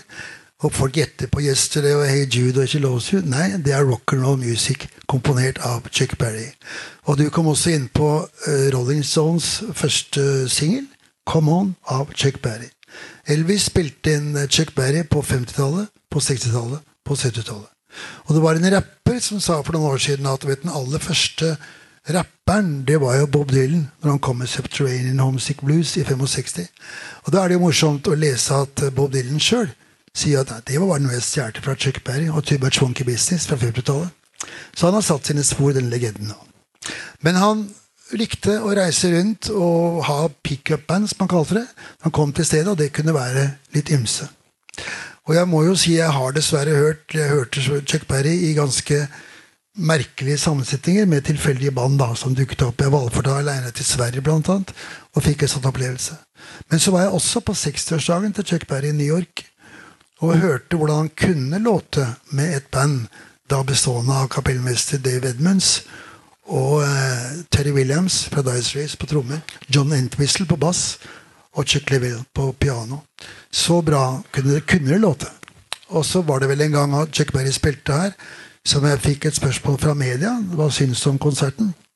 Og Da var jeg vel litt eplekjekk og sa det at uh, det skulle vært veldig morsomt å få lov til å gi ham backing sjøl. For jeg syns ikke backerbandet var så veldig bra, men han var jo genial. Og så fikk jeg da en telefon fra en arrangør et par år etterpå om jeg kunne leve opp til det jeg hadde sagt. da, For nå har du muligheten. Og da skulle Barry hit.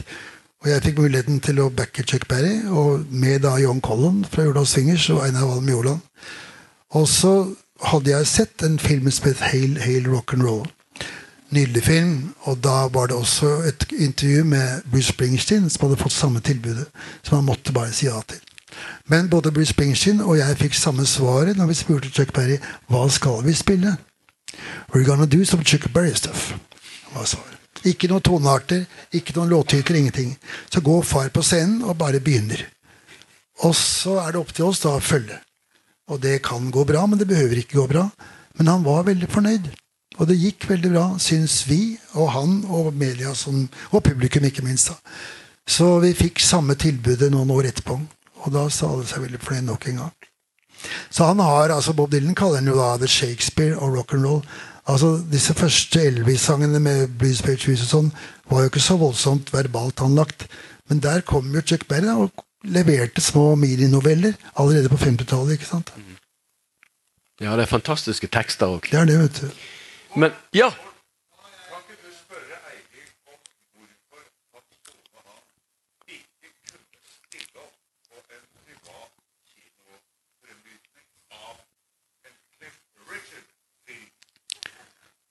Ja, ja, også Fikk alle med seg det spørsmålet? Hvorfor kunne ikke du og din kone stille opp privat på en visning av en Cliff Richard-film?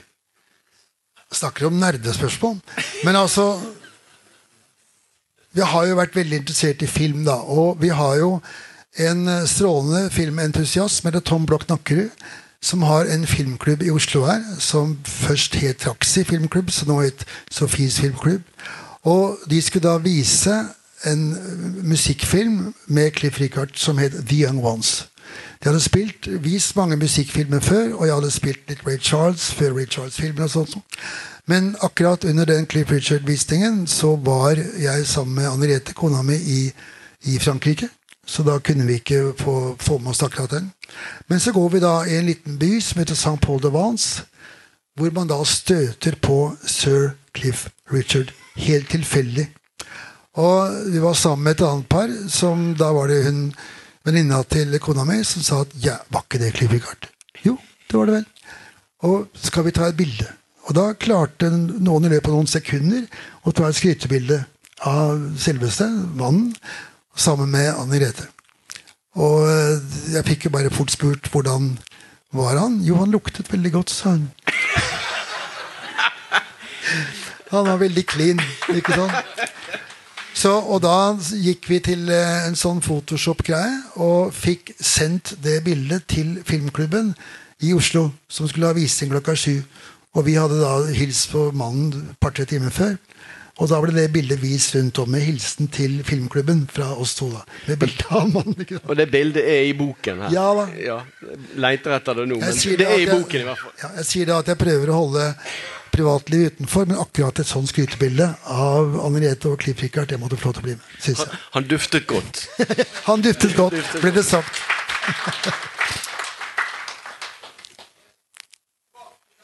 Ja.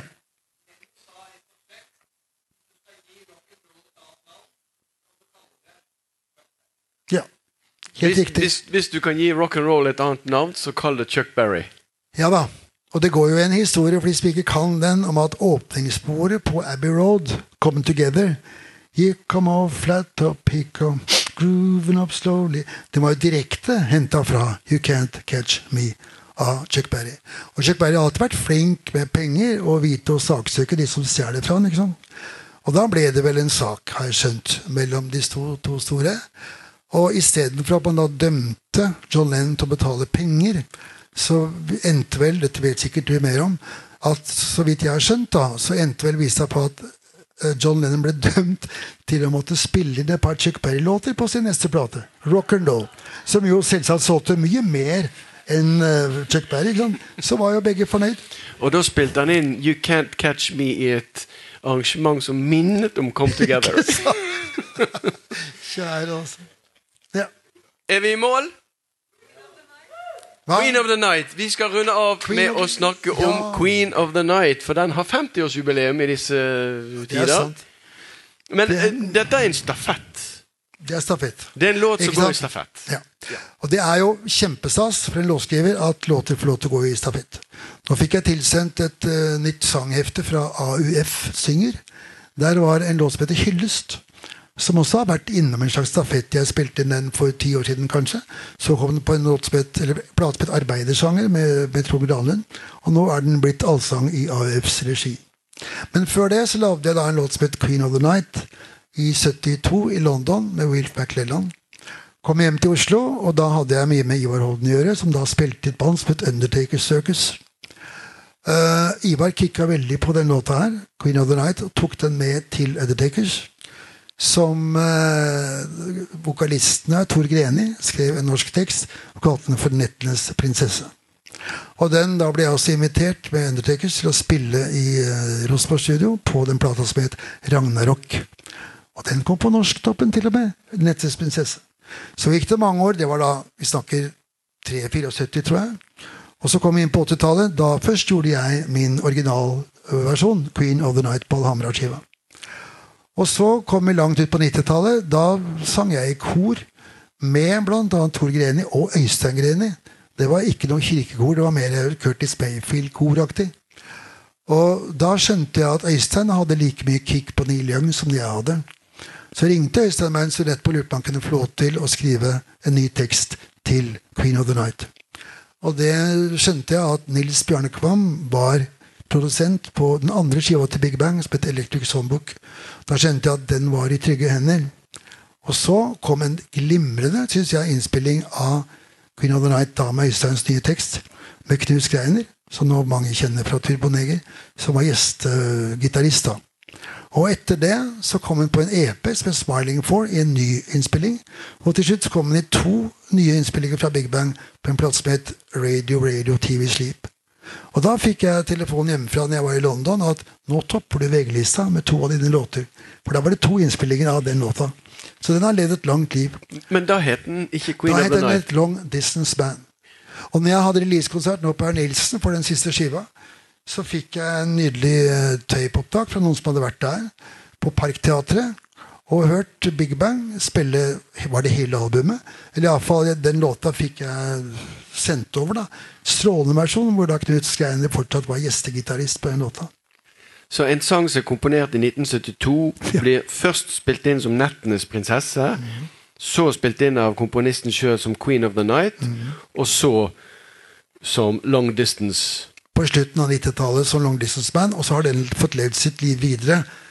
Og jeg har også vært på konsert med Big Bang.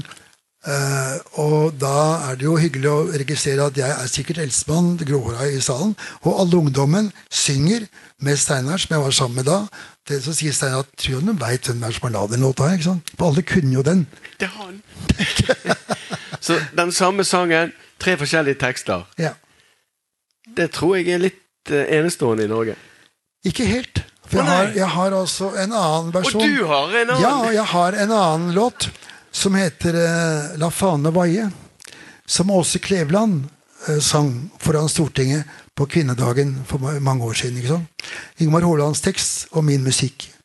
Og så gikk det litt kort tid, og da lurte hun på om jeg kunne framføre samme sangen med en litt mer tilrettelagt tekst for uh, Hiroshima-markeringen på Youngstorget. Da kom den i sin andre versjon. Men så var det miljøvernkonferanse. Og spørsmål fra Åse Kleveland om ikke vi kanskje kunne tilrettelegge den noe for miljøvernkonferansen. Og så var det til slutt da nobelprisutdeling. Og da lurte vi på om vi kunne lage en sånn La faklene skinne-variant av den samme melodien som jeg har laget. Og den kom da på singel i Joje Wadenius sitt arrangement med Åse Kleveland. Så den har da fire tekster. Nå, Nå fikk jeg et sånt Finn Tokvam-øyeblikk. Jeg tror jeg datt av, Bård.